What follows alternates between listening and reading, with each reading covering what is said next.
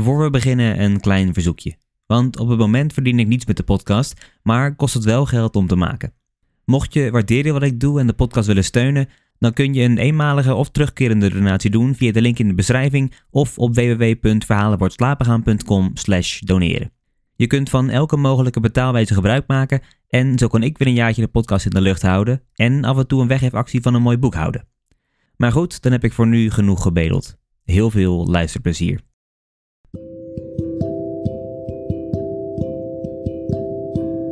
Hallo allemaal en welkom. Mijn naam is Mike en in deze aflevering lees ik voor uit een nagelaten bekentenis van Marcellus Eemans. Dit is Verhalen voor het slapen gaan.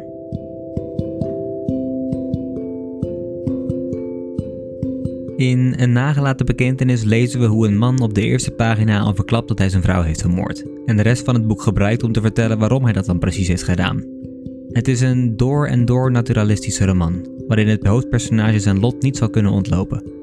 Als je meer context wil horen over de roman en de auteur, dan verwijs ik je naar aflevering 69, waarin ik het werk introduceer. Tot nu toe hebben we gelezen hoe Willem Termeer heeft verteld over zijn ouders, de omgeving waarin hij opgroeide en een episode met een meisje, Mina, op wie hij verliefd wordt, maar uiteindelijk contact verliest. Hier en daar probeert hij vriendschap op te bouwen, maar altijd brokkelen deze weer af, om allerlei verschillende redenen. Ook hebben we gelezen hoe Willem zijn vader heeft verteld dat hij is gezakt voor het toelatingsexamen. Zijn vader blaft hem pedagogisch onverantwoord af, maar het lukt Willem niet er tegenin te gaan, hoe graag hij ook zou willen. We lezen dus constant dat hij verandering in zijn leven aan probeert te brengen, maar op de een of andere reden wordt hij door de omstandigheden en zijn gemoedstoestand altijd tegengehouden, waardoor hij rechtstreeks op zijn lot afstevend. We zullen zien of het hem in deze aflevering lukt daar verandering in te brengen. Dit is een nagelaten bekentenis van Marcellus Eemans.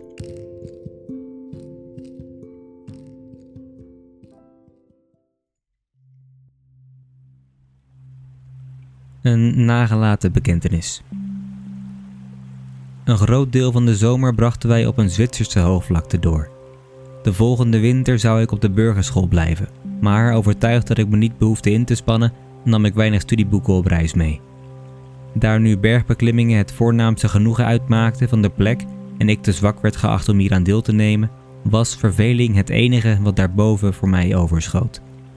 Aanvankelijk bekwam de berglucht mijn oude heer best, maar plotseling werd hij door zulk een heimwee bevangen dat de dokter van het oord mijn moeder aanried de ziekte zijn zin te geven.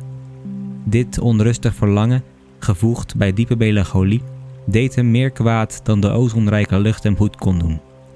De raad van de dokter verhaastte onze terugreis en hoe gelukkig dit was bleek gauw genoeg. Weinige weken later hoorde ik op een avond mijn vader geweldig uitvaren. De volgende morgen kwam hij niet beneden en de dag daarna werd mij medegedeeld dat de dokter hem naar een krankzinnige gesticht had overgebracht. Het spreekt vanzelf dat ik niet aan de mogelijkheid van zijn genezing twijfelde, maar het onverwacht verdwijnen van de man met wie ik gewoon was voor al mijn doen en laten rekening te houden, gepaard aan de zekerheid dat hij als een gevangene, misschien wel in een dwangbuis, achter slot zat, gaf mij toch een pijnlijke indruk. Een dag lang kon ik het akelige visioen niet uit mijn geest verwijderen en een hele nacht bleef ik wakker liggen, sidderend voor mijn dromen.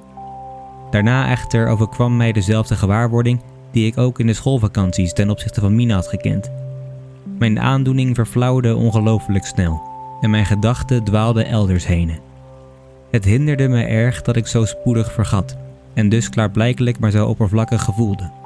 Tevergeefs echter deed ik mijn best de eerste afschuwelijke indruk terug te roepen, de oude heer weer voor me te zien. Ik trachtte me te verdiepen in de mogelijkheid van een nimmer wederzien, maar de herinneringen doemden steeds flauwer, steeds trager op. En toen, na enige maanden, de doodstijding aankwam, zocht ik vruchteloos in mijn gemoed naar een greintje ontroering. Dus, besloot ik, hadden de mensen wel gelijk mij te minachten en te schuwen.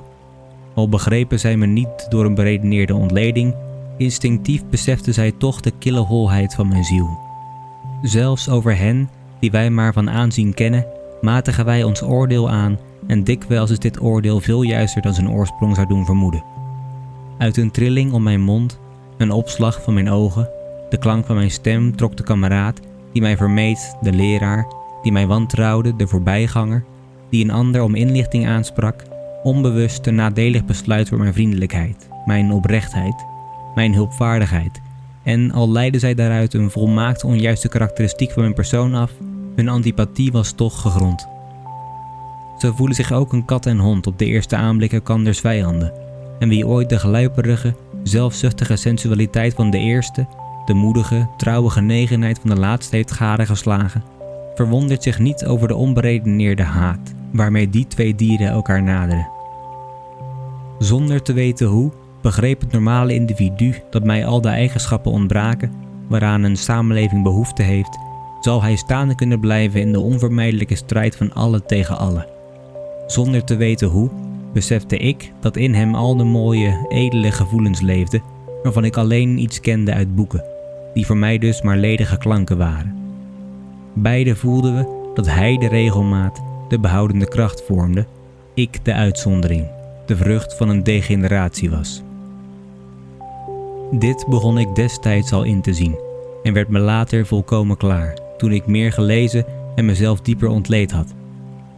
Na de dood van mijn vader werden mijn gedachten aanvankelijk van dit punt afgeleid, want ook mijn moeder stierf al gauw aan een longontsteking en dus stond ik eensklaps alleen op de wereld, met de vrije beschikking over een inkomen van circa 9000 gulden.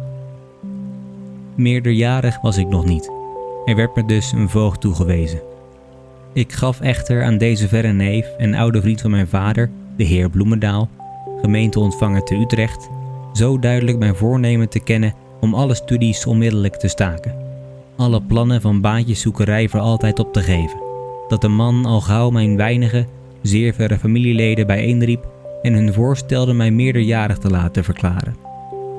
Mijn optreden schijnt toen inderdaad iets doortastends te hebben gehad. Mijn goedaardige voogd, die me niet kende, verdacht me althans van karaktervastheid. Naderhand heb ik me dit al dus verklaard. Waar het op een negatieve flinkheid aankomt, op iets na te laten, iets niet te willen, kan ik wel zoveel hardnekkigheid aan de dag leggen dat ik zelf geloof begin te slaan aan een late ontwikkeling van mijn moed. Wat mezelf betreft, ik ontwaak uit die waan zodra ik handelend moet optreden. Maar daar het niet willen voor het ogenblik voldoende is, bestaat er voor anderen geen aanleiding om aan mijn onverzettelijkheid te twijfelen. Dus ruimde mijn voogd het veld met toestemming van de familie en de Hoge Raad. Op mijn verlangen behield hij echter de administratie van mijn vermogen. Wat wist ik nu van geldzaken af? Nu was ik dan eindelijk geheel vrij. Nu kon ik mijn vleugels ongehinderd uitslaan. Niets belette me meer het klimaat waarin ik was opgegroeid te verlaten, met mijn kennissen, mijn verleden te breken en onder een andere hemel in een andere maatschappij, te midden van mensen die een andere taal spraken, andere zeden en gewoonten hadden, zelf een ander bestaan te beginnen. Ondanks mijn schuwheid voor het onbekende aarzelde ik geen ogenblik schoon schip te maken van al wat mij mijn eerste, slechte gelukte levensstadium herinnerde. Het leven was iets goeds, zeiden de mensen, en ik zag hen ook zich vermaken, ieder op zijn manier, overeenkomstig zijn individuele smaak. Waarom vond ik dan louter teleurstelling? Omdat alleen het slechte, ongeoorloofde genot mij aantrok? Maar waarom, vroeg ik me af, is het genot dat mij aantrekt slecht? Waarom trekt het geoorloofde me niet aan? In de glasheldere, nuchtere ogenblikken dat ik mijn verleden als een reeks van schakels door de noodzakelijkheid aaneengesmeed, achter me uitgestrekt ontwaarde en die ketering zag voortlopen tot in de horizon van mijn toekomst, begon ik te begrijpen dat mijn onhandigheid, mijn gebrek aan moed en volharding, mijn behoefte aan emotie, mijn hang naar het verbodene slechts de giftige bloesems waren van zaadkorrels in mijn voorouders ontkiemd. De wortels reikten over me heen tot in afgesloten levens, en daarom zou ik ze nimmer kunnen uitroeien. Al wat ik misschien vermocht was het verbergen van enige karaktertrekken door het spelen van een rol. En dit zou me alleen mogelijk zijn op een nieuw terrein, waar niemand onder de gezond rode schminken de ziekelijke bleekheid van de acteur vermoedde. Trekt een ander de wereld door omdat hij belang stelt in alle openbaringen van het leven? Mij boezemden de dingen slechts belang in, voor zoverre zij bij machten waren onderscheiden stemmingen op te wekken in mijn dofheid. Sensaties verlangde ik en die wilde ik zoeken in een afzonderlijke samenleving, het droombeeld van mijn genotzucht, voor wie bestaan ik in tal van Franse romans te bewijzen menen te vinden. Evenals er in alle lagen van de maatschappij vertakkingen schijnen te zijn van de kleine sociëteit der vrijmetselaren, geloofde ik ook in de aanwezigheid van een geheime monde, die emoties kweekt, die het verboden genot savoureert. Waarschijnlijk bestonden ook daar overeengekomen tekens waaraan men elkander herkent, en wie er eenmaal in was opgenomen, vond er zeker gemakkelijk genoeg de lustgenoten die aan zijn verlangen beantwoordt. De onstilbare behoefte om zich te voelen leven hield die wereld bijeen en de grote maatschappij verfoeide hem als een pest, omdat hij niets blijvends wilde erkennen. Een helder beeld van deze eigenaardige vrijmetselarij bezat ik niet, maar ik stelde me voor dat in een stad als Parijs de hoogste graden grootste Saturnalieën vieren. De laagste vertegenwoordigers zag ik s'nachts op eenzame wegen door alle steden rondsluipen. En van de middelklasse vermoedde ik dat zij de beschaafde landen doorkruisen en te vinden zijn in hotels, in speelhuizen, bij wedrennen, op badplaatsen. Om deze wereld hulde ik een romantisch waas. Hij scheen me het nooit ledige schouwtoneel van de zoetste minnespelen en de aangrijpendste tragedieën, de altijd borrelende bron van hemelhoge jubel en vlijmende smart, de vloeibare en gloeiende kern van de afgekoelde en verharde maatschappij. Daar was het geld verdienen bijzaak, de studie en afleiding en de poëzie van het leven werd er niet beperkt tot de korte inleiding van een lang prozaïsch verhaal. Dag en nacht trilden er de zenuwen van wisselende aandoeningen. Naast de uitgebloeide liefde ontkiemde reeds een nieuwe. En geen wachten op een ontnuchterende formaliteit vertraagde er de bevrediging tot het verlangen verlept is. Vrolijkheid was er zeldzaam, omdat zowel het begeren als het verliezen met diepe melancholie gepaard gaan. Maar die melancholie was altijd bedwelmend als een zware wijn. En de ziel in zijn voortdurende roes bleef er gevrijwaard voor de lode druk van de sleur. Dacht ik eraan, dan hoorde ik altoos een wals van Strauss of Waldteufel. Voor mij wekt niets beter dergelijke aandoeningen op als ik zocht dan deze sensuele, zwaarmoedige en toch zo dartele muziek. Het kwam er nu maar op aan in deze wereld door te dringen en zijn verschillende tekens en gebruiken, die zonder afspraak alleen zijn geheime taal en etiketten hadden gevormd, te leren kennen. Zolang ik nog thuis over dit alles nadacht, was er veel in dat me machtig aantrok en twijfelde ik niet aan de genietingen die me wachten. Zodra ik over de grenzen was, trap mijn ellendige lafhartigheid, een spottende kwelduivel gelijk, me weer vermanend in de weg. Toen doorleefde ik lange, lege dagen en ik liep rond als door een donker bos, zoekend naar de ingang van een betoverd kasteel. Waar moest ik nu heen om de avonturen te vinden die me emoties konden verschaffen? Naar de deftige table d'hôte, waar het zo stil was dat ik niet eens fluisterend mijn buurman om het zout durfde te vragen? De vuile, slecht verlichte straten in, om aangeklampt te worden door een dier hongerige, opgedirkte, teringachtige schepsels waarvan ik gruwde? naar de volle comedies, waar het me niet mogelijk was de onverzelde vrouwen te onderscheiden en slechts, naar het me voorkwam, bekenden elkaar toespraken? Niet zonder een zenuwachtige verwachting toog ik eens heel laat naar een café chantant.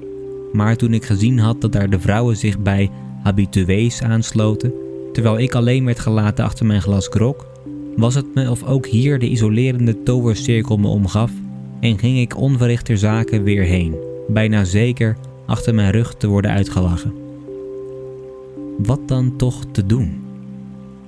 Teruggekeerd in mijn hotelkamertje besefte ik duidelijk mijn onmacht om een enkele stap te zetten die me tot de verwezenlijking van mijn droombeelden kon doen naderen. Mijn hoop bleef dus gevestigd op het toeval. De wereld waarin ik leven wilde bestond. Daar twijfelde ik geen ogenblik aan.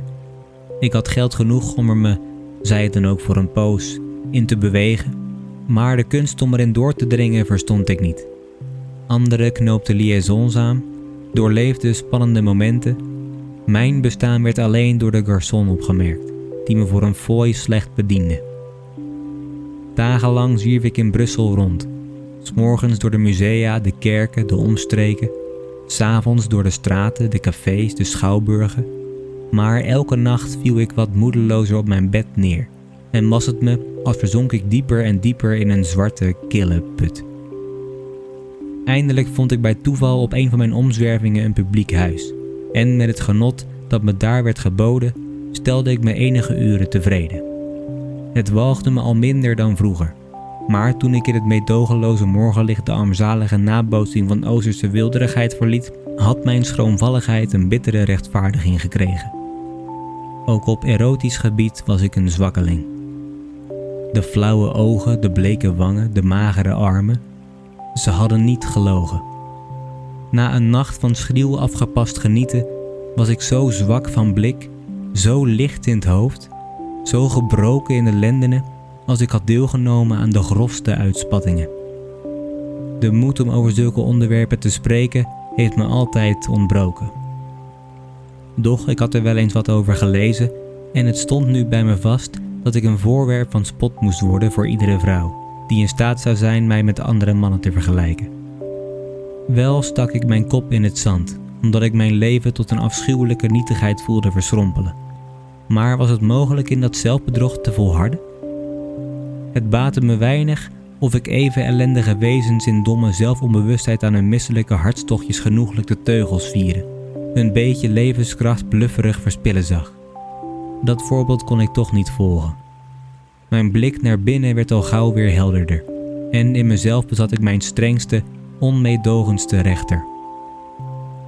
Van Brussel trok ik naar Parijs, doch ook daar vermeesterde ik alleen het genot dat zich voor een aalmoes opdringt. Toch zag ik nu de vertegenwoordigers van mijn gedroomde wereld in levende lijven vormen. Ik zag ze in de schouwburgloges in zacht gefluister verloren terwijl het vulgus om hen heen zich boeien liet door zouteloze grappen, kinderachtige muziek en kleurige decors. Ik zag ze in de restaurants elkander opwinden door vurige wijn en dartelgepraat, totdat ze in een zalige bedwelming het gonzen van de menigte niet meer gewaar werden. Ik zag ze rondrijden door het Bois de Boulogne, glimlachend tegen een bekoorlijke herinnering of een betoverende illusie en ongevoelig voor de glurende nijd en de minachtende bewondering van een nieuwsgierig plebs. Ach, ook ik wilde leven. Leven als zij. Glansrijk, hevig, kort. Nadat ik te Parijs geen stap verder was gekomen, maakte ik me diets dat kleine steden veel gunstiger terrein opleverde en zwierf ik enige maanden lang door Zuid-Frankrijk rond, zonder andere avonturen te vinden dan een paar ontmoetingen met schijnbaar wereldwijze handelsreizigers nog onbekend met het talent van opsnijden waarin deze heren zich verheugen, begon ik met geloof te slaan aan hun fantastische verhalen van Affaire de Femme, waarin zij Don Juan rollen hadden vervuld. Ik poogde mezelf door middel van enige beleefdheden bij hen in te dringen, zowel niet in de hoop dat zij de ingang van mijn betoverd kasteel zouden kennen, dan toch wel in de mening dat ik wat savoir-faire zou kunnen leren, wat driestheid zou kunnen verkrijgen.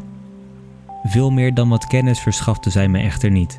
Want terwijl het me duidelijk werd dat hun verhalen gelogen waren, betrapte ik mezelf op de neiging om daar eigen fantasieën tegenover te stellen. Hetgeen ik me als mogelijk had voorgespiegeld, diste ik hun op als werkelijk geschied, en terwijl ik daarbij tal van bijzonderheden verdichtte die aan de handeling grote waarschijnlijkheid bijzetten, doorleefde ik inderdaad een flauwe weerschijn van de geschilderde emotie. Wel beschouwd was dit slechts een nieuwe openbaring van mijn leugenachtigheid, maar het bracht me op de inval dat er misschien een kunstenaar in me stak. En zo kregen het zoeken naar avonturen, het begeren van wisselende aandoeningen, tijdelijk een soort van rechtvaardiging die me behoedde voor het bezwijken na mijn eerste teleurstellingen. Indien ik eens naar Zwitserland trok, het land waar elk jaar duizenden vreemdelingen samenkomen, die niets verlangen dan plezier zou het niet te verwonderen zijn als ik daar, het zij in de hotels, het zij op bergtochten, geen gelegenheid vond om jonge mensen te leren kennen die nog andere dingen zoeken dan het ascetisch beschouwen van mooie natuurtaferelen. Het ideaal van mijn passiviteit was een vrouw te ontmoeten die in tegenwoordigheid van anderen vormelijk beleefd jegens me zou blijven, om s'nachts mijn kamer binnen te sluipen, mij de armen om de hals te slaan en te smeken: Heb me lief, heb me lief. Ik beelde me echter in ook tot een actiever optreden in staat te zijn, wanneer ik eerst maar in een blik of in een gebaar een flauwe aanmoediging had gelezen. De dagen gingen voorbij en sloten zich in het verleden aaneen tot weken en maanden. Doch mijn bestaan bleef ledig en mijn behoefte aan aandoening onbevredigd. Soms genoot ik van de natuur, soms van een concert soms van een roman, maar deze impressies waren in mijn ziel als toneeldecoraties, die slechts betekenis en waarde hebben voor het drama, dat er tegen moet uitkomen en dat ze moeten omlijsten. Ze gaven me fictie waar ik realiteit verlangde, en de tijd was al voorbij dat die fictie me diep genoeg ontroerde. In mijn drukkende moedeloosheid overkwam het me hele dagen lang in bed te blijven, niet wetende waarvoor ik zou opstaan, me kleden, me bewegen. Toen gebeurde het dat ik te Interlaken aan een hoteltafel tegenover een zeldzaam mooi meisje zat. Haar fotografie aanziende, die ik niet gekregen maar gekocht heb, kan ik de eerste wegslepende indruk van dat teerblanke gezicht met die glanzige ogen en dat bijna zilverblonde haar nog wel eens duidelijk in mijn ziel oproepen. Ik hield van grote, stevige vrouwen. Deze was maar uiterst stenger. Dit belette echter niet, had veeleer juist ten gevolge, dat zij een zonderling mengsel van gevoelens in me verwekte. Haar schitterende blankheid van hals en polsen prikkelde in de hoogste mate mijn zinnelijkheid, vervulde me soms met brutale begeerte, terwijl het sierlijke, maar o zo broze lichaampje met de grote blauwe ogen, overschaduwd door lange zijige wimpers, iets etherisch had, dat ik op andere ogenblikken zo graag geknield in het verborgen had aanbeden. Wat me beslist onaangenaam trof, waren de brede of schoon blanke handen.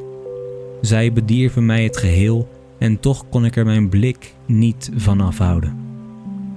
Naast haar zat een oude, vette, uitgezakte vrouw met bolbleek gelaat, half toneelstiefmoeder, half baker die even ijverig doorhad als het mooie kind scheen te vasten.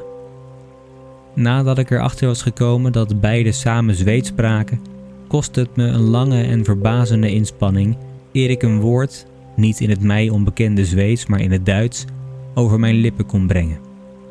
Ik dacht dat de hele tafel me aan zou kijken en alleen de zekerheid van omringd te zijn door louter onbekende gezichten gaf me eindelijk de moed met een gelegenheidsfrase te debuteren. Toen deze vriendelijk was beantwoord en door derden ternauwernood opgelet, ging ik rustiger voort en ziet het gesprek vlotten. Natuurlijk hadden wij het aan tafel uitsluitend over Interlaken, de omstreken en het weer. Maar het lukte me ook haar, na afloop van het diner, mijn gezelschap in het salon op te dringen.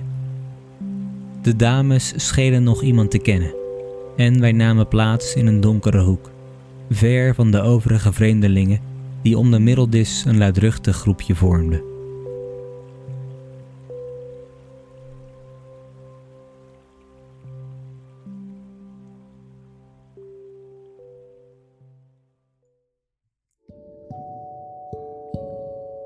Dat was een nagelaten bekentenis. Ook in dit gedeelte hebben we gelezen hoe Willem weer een poging doet om zijn leven een andere wending te geven. En in dit geval lukt dat gedeeltelijk, doordat zijn beide ouders sterven. Hij krijgt een berg geld en krijgt zijn familie zover om hem meerderjarig te verklaren. En hij besluit op stad te gaan. Hij zegt namelijk dat hij nu eindelijk niet meer verbonden hoeft te zijn aan zijn omgeving en klimaat, wat er natuurlijk al die tijd voor zorgde dat hij zo achterbleef. Omgeving en klimaat zijn een van de deterministische factoren van het naturalisme, en die gedachte is weer goed terug te zien. Willem gaat dus op reis. Echter, toch wil het hem in zowel Brussel als Parijs niet lukken om te aarden en zijn genot te vinden. Er lijkt dus toch iets meer aan de hand te zijn dan alleen het klimaat. Hij kijkt naar de mensen om zich heen en zou graag willen dat hij hun leven zou leiden, maar het gaat gewoon niet. Op het eind van het stuk komt hij in Interlaken terecht, een klein stadje in Zwitserland onder Bern. Daar zit hij in een hotel en lezen we in een passage iets dat lijkt op liefde op het eerste gezicht. Hij ziet namelijk een meisje door wiens schoonheid hij compleet overrompeld wordt. Wonder boven wonder lukt het hem een gesprek aan te knopen en dit gesprek ook nog vast te houden. Wie weet zal het hem dan toch nog lukken zijn genot te vinden. In de volgende aflevering zullen we zien hoe de ontmoeting met het Zweedse meisje zich ontwikkelt. Voor ik afsluit nog één dingetje. Het luisteren van de podcast is gratis, maar het maken is dat niet. Natuurlijk vind ik het hartstikke leuk om te doen. Maar mocht je de podcast willen steunen, dan kun je via het platform Kofi al vanaf 1 euro per maand bijdragen aan de inhoud en de kwaliteit. Daarnaast heb je de mogelijkheid om je te abonneren op exclusieve extra's, zoals bonusafleveringen met extra verhalen en achtergrond, toegang tot giveaways, audioboeken en nog veel meer. Je vindt de link naar Kofi in de beschrijving. Ik wil jullie hartstikke bedanken voor het luisteren naar deze podcast. Voor achter de schermen, updates, vragen of opmerkingen kun je me vinden op social media onder de naam Verhalen voor het slapen gaan en dan zie slash hoor ik jullie volgende keer. Voor nu, goede nacht, slaap zacht.